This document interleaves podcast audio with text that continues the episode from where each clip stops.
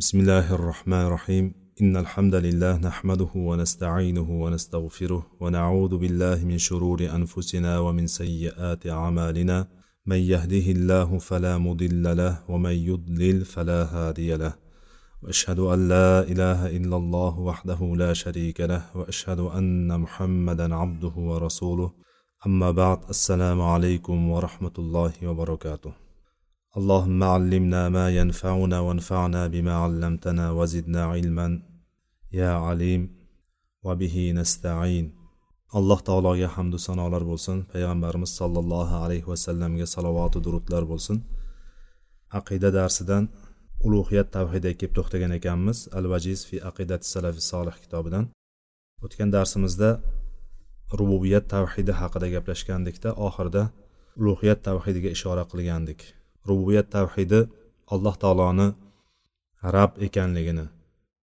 yakka parvardigor ekanligini yaratib hamma ishni boshqaruvchi hamma ishni qiluvchi zot ekanligini aytgandan keyin buni juda ko'pchilik butun haloyiqni ichida aksariyat insonlar bu narsani tan olishligini aytgandik va bu tan olishliklari alloh taolo yaratgan alloh taolo o'ldiradi alloh taolo tiriltiradi hammaga rizq beradi degani bilan bular haqiqiy mo'min bo'lmasdi mo'minlar safiga qo'shila olmasdi.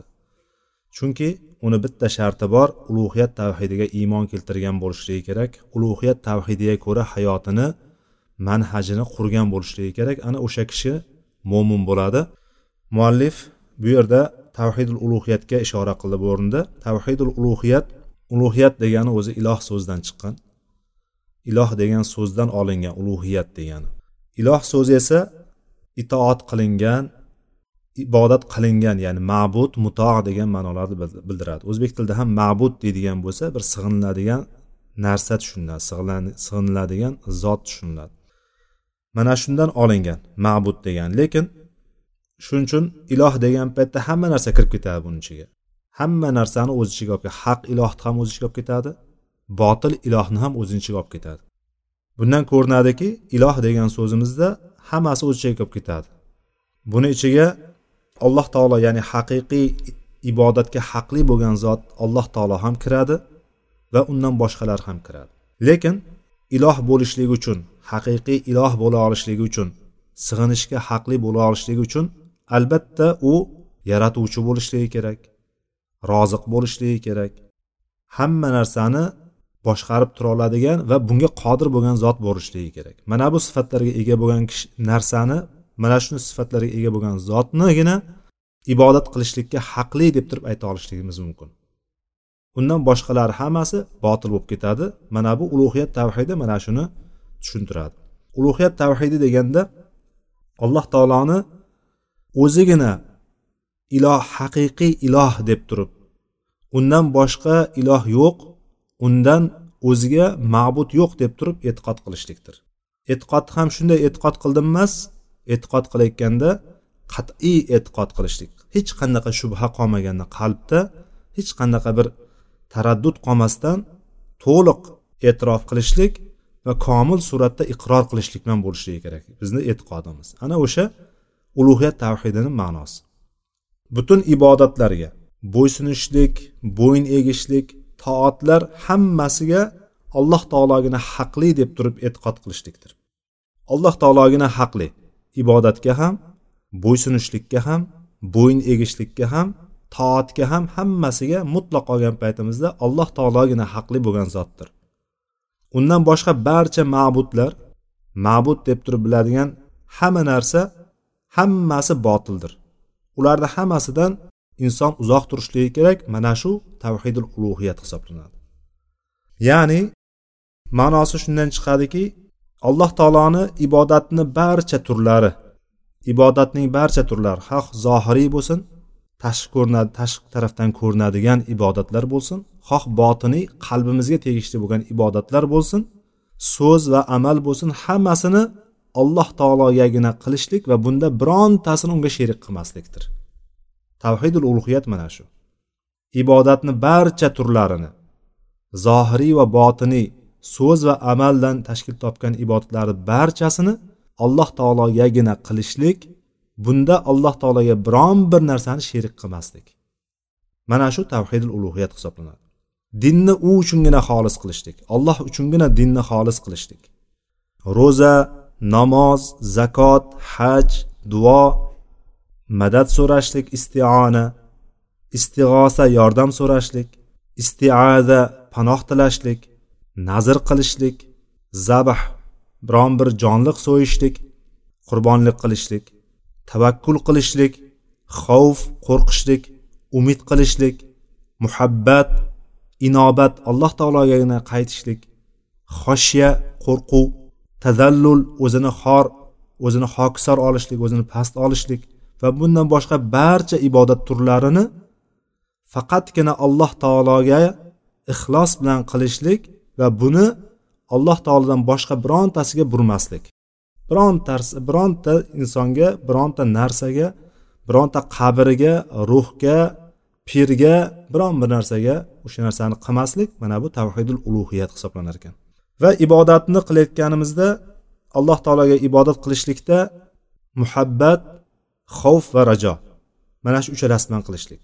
Muhabbat bilan qo'rquv va umid bilan hammasini bitta jamlagan holatda ibodat qilishlik va ibodatda bularni bittasini tashlab boshqasi ya'ni bittasini qilib qolganini tashlashlik emas. Bu narsa zalolat hisoblanadi. Ibodatni ya'ni hub muhabbat qo'rquv va rajo deganlarimiz mana shu umid qilishlik hammasi birga bo'lishligi kerak. Agar bittasini ushlab ikkinchisini tashlaydigan bo'lsak bu zalolatga olib ketib qoladi. Masalan inson agar faqat qo'rquv bilan ibodat qiladigan bo'lsa agar alloh taolodan umidi bo'lmaydigan bo'lsa inson tushkunlikka tushib qoladi va inson borib borib turib adashib ketib qoladi. Yoki inson faqatgina rajo bilan umid bilan qiladigan bo'lsa ibodatlarni aksariyatini tark qilaveradi u. ya'ni alloh taolo kechiruvchi deydida alloh taolo nima bo'lsa kechiradi. Alloh taolo la ilaha illalloh deydigan bo'lsa jannatga kirgizaman degan deydida shu bilan ketib qoladi. Mana shu narsa ya'ni bu yerda tushunilgan narsa bittasini olib ya'ni ulardan mana shu ibodat turlaridan deganimizda bu yerda ba'zuhani mana shu oxirgi gapga qaytadi. Muhabbat xavf va rajoga qaytadi. Mana shu muhabbat xavf va rajo ibodatni asli hisoblanadi. Muhabbat xavf va rajo. O'zbekchasiga yaxshi ko'rib qilishlik bir alloh taoloni yaxshi ko'rib ibodat qilishlik alloh taolo ibodat qilayotgan paytimizda o'sha alloh taoloni yaxshi ko'rib turib ibodat qilishlik va alloh taolodan qo'rqqan holatda va alloh taoloni rahmatidan umid qilgan holatda. Mana shuni oladigan bo'lsak qushni boshi va ikkita qanoti hisoblanadi. Qushni boshi tanasi bu muhabbat bo'ladigan bo'lsa ikkita qanoti xavf va rajo bo'ladi qo'rquv va umid bo'ladi. Uni bittasi tushib qoladigan bo'lsa ham qush ucholmaydi. Boshini olib tashlaydigan bo'lsangiz ibodatni ruhi bo'lgan muhabbatni olib qo'yadigan bo'lsangiz u ibodat bo'lmaydi. Qush qushlikdan chiqadi o'ladi agar bitta qanotini sindiradigan bo'lsangiz bitta qanot bilan uchgan qushni ko'rganmisiz? Ucholmaydi u ham. Ya'ni xavf tarafi sinadigan bo'lsa ham ucholmaydi. Rajo tarafi bo'lgan qanoti sinsa ham ucholmaydi. Mana shuni qasd qilyapti muallif rohimaulloh e, muallif hafizaulloh mana shu yerda shuni qasd qilyaptiki mana shulardan bittasini ya'ni mana shu ibodatni ruhi bo'lgan uchta narsadan bittasini qo'yib qolganlari bilan ibodat qilishlik zalolatdir deyapti. Ya'ni firqalar undan keyin kelib chiqqan e'tiqodiy firqalarni mana shu uchta narsada adashganligini ko'ramiz hali mana shu uchta narsada bittasida adashib ketib qolgan va ularni nomi o'shandan kelib chiqqan. Alloh taolo kechiraveradi. Iymon o'zgarmaydi. Iymon jibril bilan payg'ambarni iymoni bilan oddiy kishini eng fosiq kishini eng gunohkor kishini ham iymoni farq qilmaydi. Iymon o'zgarmaydi deydi. Bu nimadan kelib chiqyapti? Gunoh qilish qilishlik bilan ibodat qilishlik iymonga ta'sir qilmaydi degan e'tiqoddan kelib chiqyapti. Va xohlagancha gunohni qilaveradi. Oxirida la ilaha illalloh deydigan bo'lsang baribir jannatga kirasan deydi. Bu bilan mana shu umidga bog'lanib ketib qolib turib murjiya degan toifa kelib chiqadi. Mana shu narsani muallif bu yerda gapirmoqchi bo'ldi. Tavhidul ulug'iyat deganimizda uning u degani ibodat tavhidi degani. Ya'ni alloh taoloni ibodatlarda yakkalashlik degani qisqacha qilib aytadigan bo'lsak. Alloh taolo aytdiki iyyaka na'budu va iyyaka nastain dedi ya'ni biz har kuni aytadigan o'qiydigan fotiha surasida bir kunda bir necha barobar bir necha marta aytadiganimiz mana shu fotiha surasida iyyaka na'budu va iyyaka nastain degan so'zimiz. Alloh taolo bu yerda aytdiki iyyaka na'budu biz aytamiz ya'ni mo'minlar tilidan alloh taolo gapiryapti bu yerda. Biz aytamizki sengagina ibodat qilamiz deymiz alloh taologa. Sengagina ibodat qilamiz bu yerdagi faqat ibodatni allohgagina cheklashlik mana bu yerdagi so'zlardan kelib chiqadiki nabudi oldin bo'lishligi kerak oldinda kelishligi kerak edi. Iyakadan oldin kelishligi kerak qoida bo'yicha iyakadan oldin kelishligi kerak edi. Lekin aslida orqada turadigan narsa oldinga o'tib qolib ishlatilishligi so'zda o'shani faqatgina o'sha narsagagina xos ekanligini bildiruvchi bir balog'iy qoida hisoblanadi.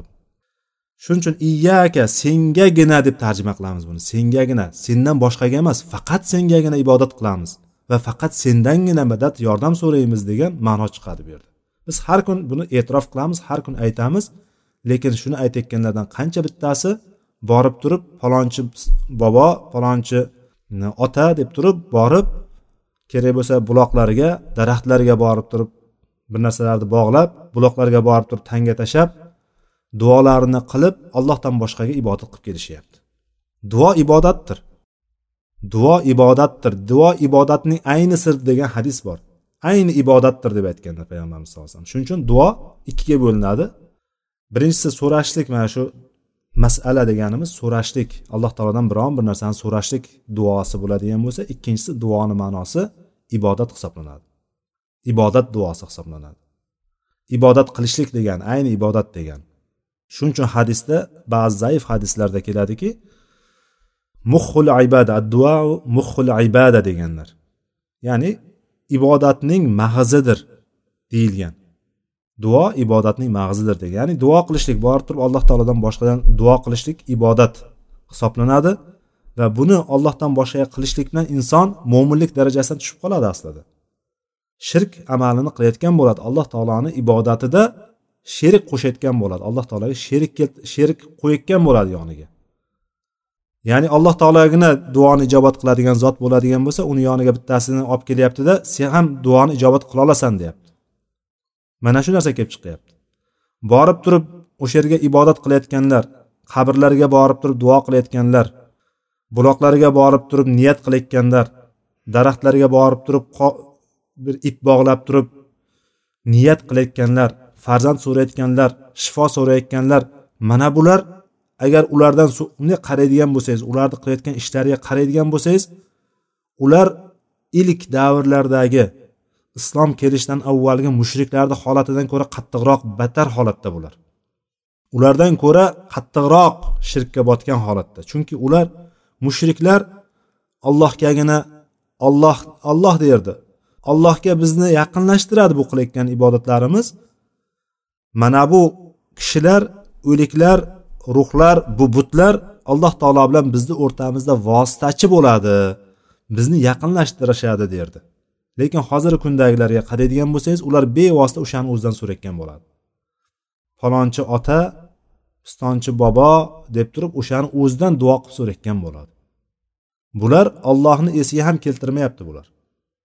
Ya'ni ular bu hozirgi kundagi men musulmonman deb turib borib o'shalardan duo qilayotganlar folbinlarga borayotganlar yoki shunga o'xshagan ishlarni qilib yurganlar oldingi mushriklardan ko'ra holati qattiqroqdir buni yaxshi bilaylik. Boshqa oyatda alloh taolo aytdiki ilahan la burhana lahu bih fa innama hisabuhu inda robbih innahu la yuflihul kafirun dedi. Mo'minun surasini bir yuz o'n yettinchi oyati ekan bu.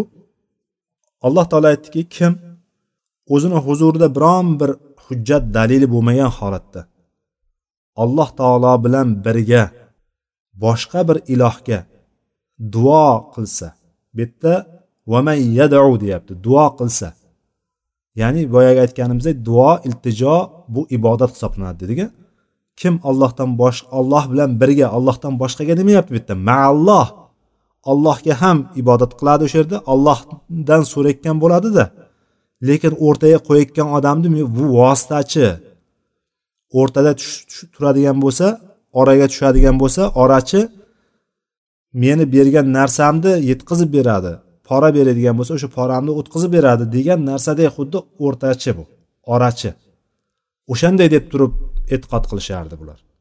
Kim shunaqa agar o'zida biron bir hujjati bo'lmagan holatda olloh bilan birga yana bir boshqa bir ilohga iltijo duo iltijo qiladigan bo'lsa uni hisobi robbisini huzurida bo'ladi.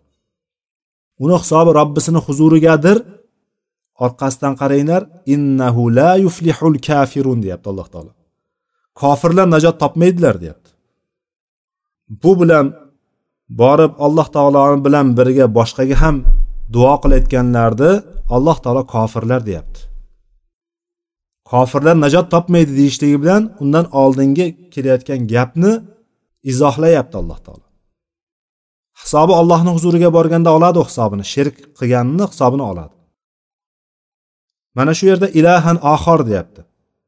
Ollohdan boshqa yana bir iloh boshqa iloh degandan yuqorida aytgan so'zimiz kelib chiqadiki iloh deganda hamma narsani o'z ichiga olib ketaveradi. Ma'bud degan.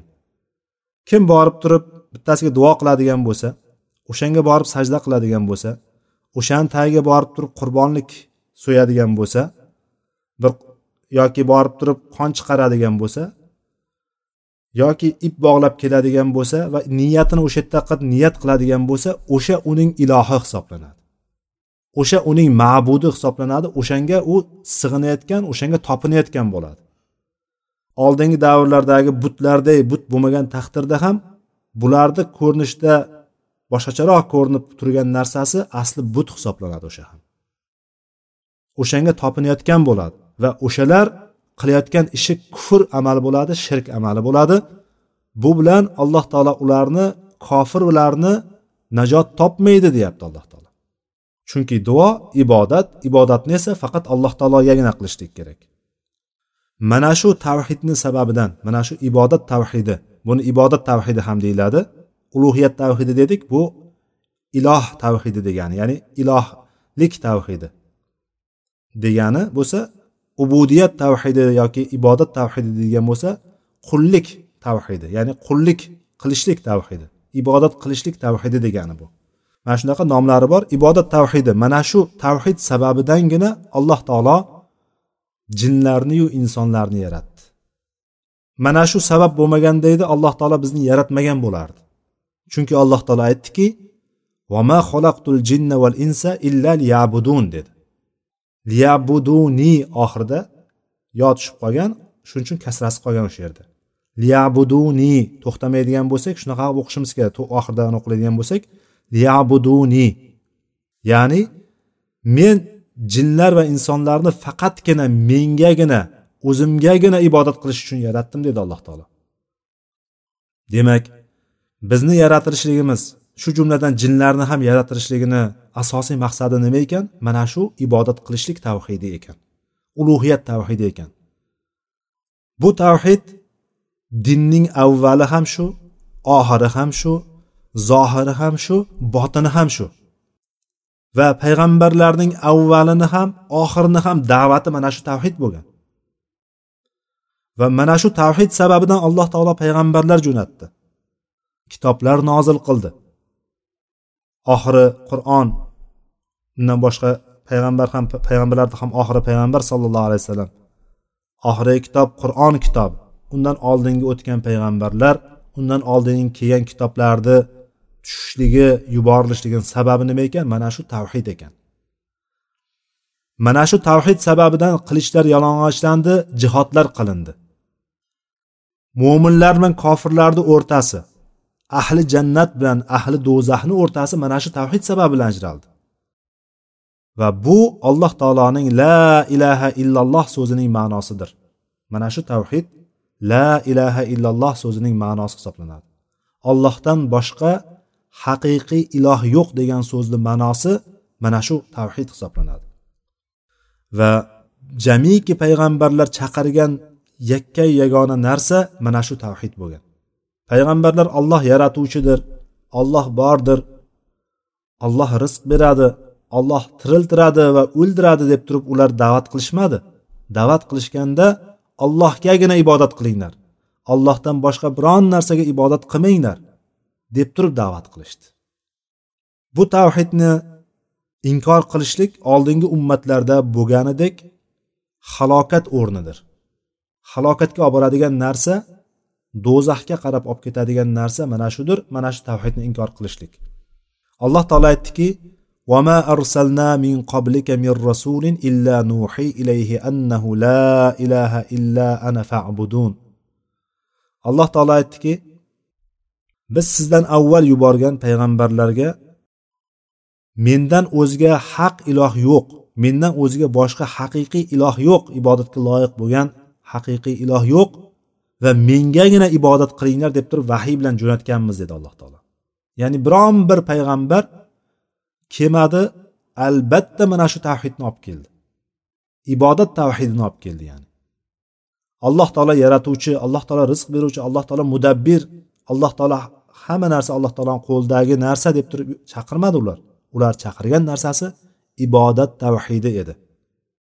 Tavhidi rububiyat biz yuqorida o'tganimiz tavhidi rububiyat alloh taoloni xoliq ekanligi yaratuvchi ekanligi va butun narsalar uning qo'lida ekanligi tavhidi ya'ni qisqacha qilib aytganimizda.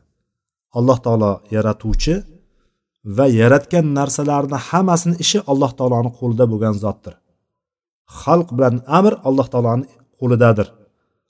Unikidir deb turib o'tdik. Alalahul xalqu val amr deganda xalq bilan amr yaratishlik va butun ishlar ollohni qo'lida ekanligi tavhidi bo'lgan rububiyat tavhidi ulug'iyat tavhidini lozim qiladi.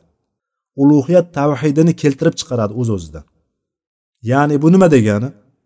Kim alloh taoloni yaratuvchi rizq beruvchi o'ldirib turuvchi hamma narsani boshqaruvchi zot deb turib tan oladigan bo'lsa faqatgina alloh taologagina ibodat qilishligi kerak bo'lib qoladi. Undan boshqa biron bir narsaga undan boshqa ya'ni allohdan boshqa birontasini allohga sherik qilmasligi kerak bo'lib qoladi. Bu o'sha narsani taqozo qiladi. Chunki alloh taolo yaratuvchi ekan alloh taolo rab ekan rizq beruvchi ekan hamma narsani boshqaruvchi ekan o'ldiradi ekan tiriltiradi ekan. Hamma sifatlarida komil zot ekan biron bir nuqsoni yo'q ekan. Har bir ish uni qo'lida ekan xohlaganini xohlagandek qiladi ekan u bo'l desa o'sha zahoti bo'ladi ekan. Degandan keyin nima qoldi buyog'iga faqat bo'ldi. Allohu akbar deb turib allohni buyukligini tan olgan holda sajdaga bosh qo'yishlik qoldi xolos boshqa narsa qolmadi. Hammasini tan olib turgandan keyin bo'ldi boshqa nima keragi bor? Ya'ni nima talab qilasan nima kerak yana senga degan savol tug'iladi. Hammasini alloh taoloni shunday sifatlari bor ekanligini rububiyat tavhidini tan oldikmi bu narsa rububiyat tavhidi ulug'iyat tavhidini keltirib chiqaradi. Tarjimada sal boshqacharoq bo'lib qolibdi ulug'iyat tavhidini taqozolaridan biridir debdi. Bu sal g'alatiroq bo'lib qolibdi shu joyi. Rububiyat tavhidi ulug'iyat tavhidini shart qiladi degani. Ulug'iyat tavhidini taqozosi ulug'iyat tavhidini taqozo qiladi degan. Ulug'iyat tavhidining taqozosi emas rububiyat. Rububiyat tavhidi ulug'iyat tavhidini keltirib chiqaradi degan. Bu yerda hozir go'yoki ulug'iyat tavhidi rububiyat tavhidini keltirib chiqaradi degan narsaga o'xshab qolibdi tarjimada. O'sha joyga e'tibor berasizlar. Rububiyat tavhidi ulug'iyat tavhidini shart qiladi lozim qiladi. Chunki yuqoridagi shuncha narsani tan olgandan keyin o'z o'zidan inson ibodat qilishligi kerak bo'lib qoladi. Mushriklar alloh taologa ibodat qilishmadi.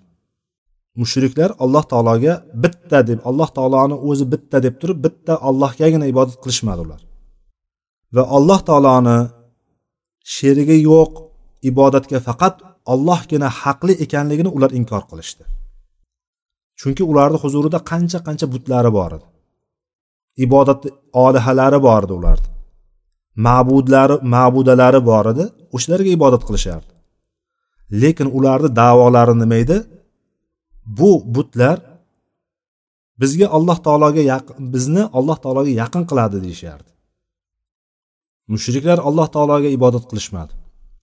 Uni alloh taoloni ibodatga haqli yagona zot ekanligini inkor qilishdi. Va ularni huzurida juda ko'p ilohlari bor edi chunki. Butlari bor edi. Uch yuz oltmishta but bor edi makkani o'sha kabani atrofida kabani ichida uch yuz oltmishta but bor edi. Ularni har birini o'zini buti bor edi har bir oilani buti bor edi hattoki. Mana shunaqa ibodat bular ibodat qilayotgan paytda bu butlarimiz zarar ham foyda ham bera olmaydi deb turib e'tirof qilgan holatda bu butlarimiz zarar ham foyda ham bera olmaydi deb e'tiqod qilgan e'tirof qilgan holatda bular bizni alloh taologa yaqinlashtiradi. Alloh taologa bizni yaqin qiladi degan e'tiqod bilan ibodat qilishardi ularga. Bu mushriklarni ko'ryapmizmi? Alloh taologa yaqin qiladi bizni deb turib ibodat qilardi va o'sha butlardan foyda va zarar berishlikni inkor qilishardi. Ha lekin shunga qaramasdan turib alloh taolo ularni mo'min demadi ularni. Alloh taolo shunga qaramasdan ularni mushriklarni mushrik dedi. Kofir dedi ularni. Kofirlarni safida sanadi ularni. Nima uchun? Bitta sharti ibodatda alloh taologa sherik qilganligi uchun. Ibodatda allohga sherik qilganligi uchun alloh taolo ularni kofirlardan sanadi. Demak yana bir takrorlaymiz. Ulug'iyat tavhidi alloh taoloni ibodatda yakkalashlikdir. Ibodatda alloh taoloni yakkalashlikdir. Ibodatni har qanday turi bo'lsin faqatgina alloh taologagina qilishlikdir. Shuning uchun ahli sunna val jamoa ba'zilar aytayotganday ollohdan boshqa xoliq yo'q demaydi. La ilaha illallohni ba'zilar la ma'buda bi haqqin la ma'buda illa xoliq deydi yo bo'lmasam illa roziq deb aytishadi. Ya'ni ollohdan boshqa iloh yo'q degan joyda ollohdan boshqa roziq yo'q ollohdan boshqa xoliq yo'q deb turib aytishadi ahli sunna val jamoa unday demaydi. Chunki bu la ilaha illallohning haqiqiy ma'nosi la ma'buda bi haqqin illalloh degan. Ollohdan boshqa haqiqiy ma'bud ibodatga loyiq bo'lgan sig'inishga haqli bo'lgan zot yo'q degan. Ha ibodatni ma'nosi nima? Ibodat degani o'zi nima? Ibodat degani alloh taoloni roziligini qozonishlik uchun. Alloh taologa yaqinlik alloh taologa taqarrub hosil qilishlik uchun qilinadigan shar'iy amallar ibodat hisoblanadi. Alloh taoloni roziligini roziligiga erishishlik uchun alloh taologa yaqin bo'lishlik maqsadida qilingan shar'iy amallar ibodat hisoblanadi. Yuqorida sanaganimiz ibodat turlarini hammasini sanab o'tdik o'zi. Yuqorida namoz ro'za haj zakot duo yordam so'rashlik panoh so'rashlik nazr qilishlik qurbon qilishlik qurbonlik so'yishlik bularni hammasini sanab o'tdik asli mana shu ibodatlarni hammasi maqsad nima? Alloh taoloni roziligiga erishishlik.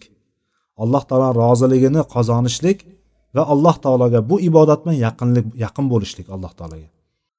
Ibodat qalb va tilni so'zi bilan qalb va amallarni amali bilan qalb va butun a'zolarni amallari bilan ro'yobga chiqadi lekin mana shu ro'yobga chiqishlik uchun ikkita sharti bor. Alloh taologa qilingan ibodatni qabul bo'lishligini ikkita sharti bor. Birinchisi ixlos ikkinchisi rasululloh sollallohu alayhi vasallamga ergashishlik. Birinchisi ixlos. Ibodatni asli bo'lgan ixlos. Alloh taolo ixlossiz qilingan amalni qabul qilmaydi. Alloh taolo aytdiki abudu lahu dini fa'budu ma shi'tum min duni. Payg'ambari tildan aytdiki ayting men dinni unga xolis qilgan holatda allohga ibodat qilaman deb ayting dedi. Dinni allohga xolis qilib ibodat qilaman deb ayting sizlar bo'ladigan bo'lsa ey mushriklar ey kofirlar xohlaganlaringni allohdan boshqa xohlaganlaringga ibodat qilaveringlar lekin men qilmayman deb ayting deyapti alloh taolo. Ibodatni asli bo'lgan mag'zi bo'lgan sharti bo'lgan birinchi sharti bu ixlos ekan. Ikkinchi sharti payg'ambar sallallohu alayhi vasallamga ergashishlik. Mutabaatur rasul. Payg'ambar sollallohu alayhi vasallamga ergashishlik. Ya'ni alloh taologa payg'ambarimiz sollallohu alayhi vasallam olib kelgan shariat bilan ibodat qilishlik. Payg'ambarimizga payg'ambarimiz buyurgan narsalarda alloh taologa itoat qilishlik va olib kelgan narsalarini payg'ambarimiz xabar bergan narsalarni tasdiqlashlik bilan ibodat qilishlik hisoblanadi. Bu ibodatni payg'ambarimiz sollallohu alayhi vasallam qanday buyurgan bo'lsalar qanday o'rgatgan bo'lsalar qanday qaytargan bo'lsalar o'sha o'rinda o'sha zamonda muvofiq qilishlik mana shu narsa payg'ambar sallallohu alayhi vasallamga muvofiq ergashishlik hisoblanadi. Ya'ni har bir narsani o'zini o'rnida qilishlik degani. Ibodatlarni bilamiz hammasini qaysi o'rinda qilishlik. Besh vaqt namoz ham agar vaqti kirmaydigan bo'lsa biz undan oldin o'sha namozni har qancha chiroyli qilib o'qimaylik. Har qancha xushu bilan o'qimaylik u namoz qabul bo'lmaydi chunki qabul bo'lishligini sharti rukni birinchi rukni o'sha namozni vaqtini kirishligi to'g'rimi? Ya'ni payg'ambar sallallohu alayhi vasallam olib kelgan shariatda har bir narsani o'zini o'rni bor o'zini vaqti bor. O'sha o'rinda o'sha vaqtda qilishlik degani payg'ambar sallallohu alayhi vasallam olib kelgan qanday olib kelgan bo'lsa xuddi shunday qilishlik bo'ladi.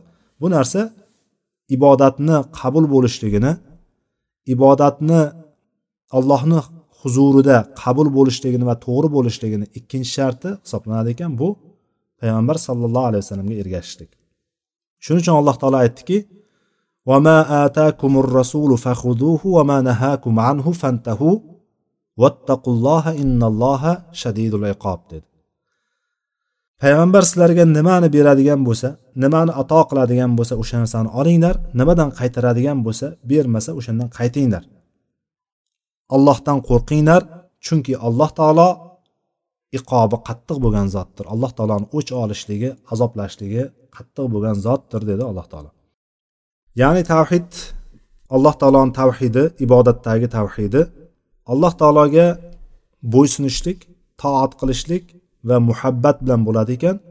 Mana shu la ilaha illallohni degan shahodatimiz borku. La ilaha illalloh deb shahodat beramiz guvohlik beramiz o'shani ro'yobga chiqaradigan narsa alloh taologa muhabbat bilan toat va ibodat qilib bo'ysunishlik ekan.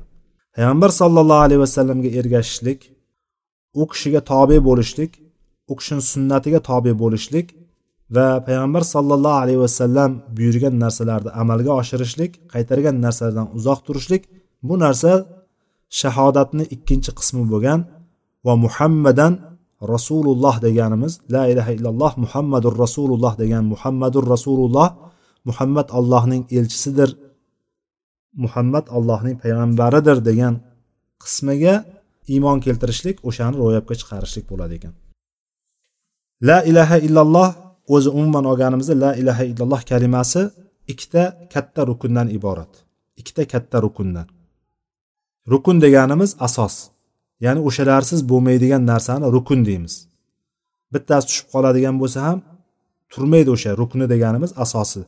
Demak ikkita katta la ilaha illalloh degan so'z ollohdan boshqa haq iloh yo'q degan so'z ikkita rukundan iborat ekan. Birinchisi ibodatni barcha turlarini faqatgina alloh taologa qilib bunda alloh taologa biron bir sherikni qo'shmaslik. Sherikni keltirmaslik. Ya'ni alloh taologa sherik qilmasdan turib alloh taoloni yoniga bir hamroh qilmagan holatda alloh taologa qilishlik. Ham barcha ibodatlarni alloh taologagina qilishlik ekan. Ikkinchi sharti bo'ladigan bo'lsa mana shu ibodat turlarini birontasini alloh taologa sarflamaslik ekan. Alloh taologa qilmaslik ekan. O'zi birinchisini ma'nosidan chiqib turibdi lekin muallif ikki qismga ajratgan ekan. Ya'ni la ilaha degandan keyin birinchi ilohlar barcha iloh bo'lgan botil ma'budlarni hammasini yo'qqa chiqarish kerak undan keyin allohga isbotlash kerak o'zi. Shuni boshqacharoq qilib aytibdi bu kishi. Ya'ni birinchi rukni ibodatni hamma turlarini faqatgina alloh taologagina qilishlik unda allohga sherik keltirmaslik. Ikkinchi qismi mana shu ibodatlardan biron bir narsani alloh taolodan boshqaga qilmaslik deb turib ikkiga ajratib keltirgan ekanlar. Ho'p bundan ko'rinadi oxirida manhaj ahli sunna val jamoa debdi. Ahli sunna val jamoaning manhaji mana shu ulug'iyat tavhidagi ulug'iyat tavhidida ahli sunna val jamoani manhajini keltiribdi. Ular ahli sunna val jamoa faqat alloh taologagina ibodat qilishadi. Undan boshqa birontasini bironta narsani unga sherik qilishmaydi. Alloh taolodangina so'raydi. Alloh taolodangina madad yordam so'raydi. Alloh taolodangina alloh taologagina tavakkul qilishadi. Alloh taolodangina qo'rqishadi. Alloh taologagina toat ibodat va solih amallar bilan yaqin bo'lishlikka harakat qilishadi. Alloh taolo aytadiki vabudulloha va la tushriku bihi shay'a degan oyat bilan muallif mana shu mavzuga yakun yasagan ekan. Alloh taologagina ibodat qilinglar unga biron bir narsani sherik qilmanglar deb turib keltirgan ekan bu niso surasini o'ttiz oltinchi oyati. Ulug'iyat tavhidini tushunib oldik. Qisqacha muallif hafizahulloh keltirgan matnga ko'ra qisman tushungan bo'ldik qisman o'qigan bo'ldik. Undan keyingi qismi inshaalloh tavhidni uchinchi qismi tavhidul asma va sifat keyingi darsimizga qoldiramiz. Vallohu alam سبحانك اللهم وبحمدك أشهد أن لا إله إلا أنت أستغفرك وأتوب إليك. وآخر دعوانا أن الحمد لله رب العالمين. والسلام عليكم ورحمة الله وبركاته.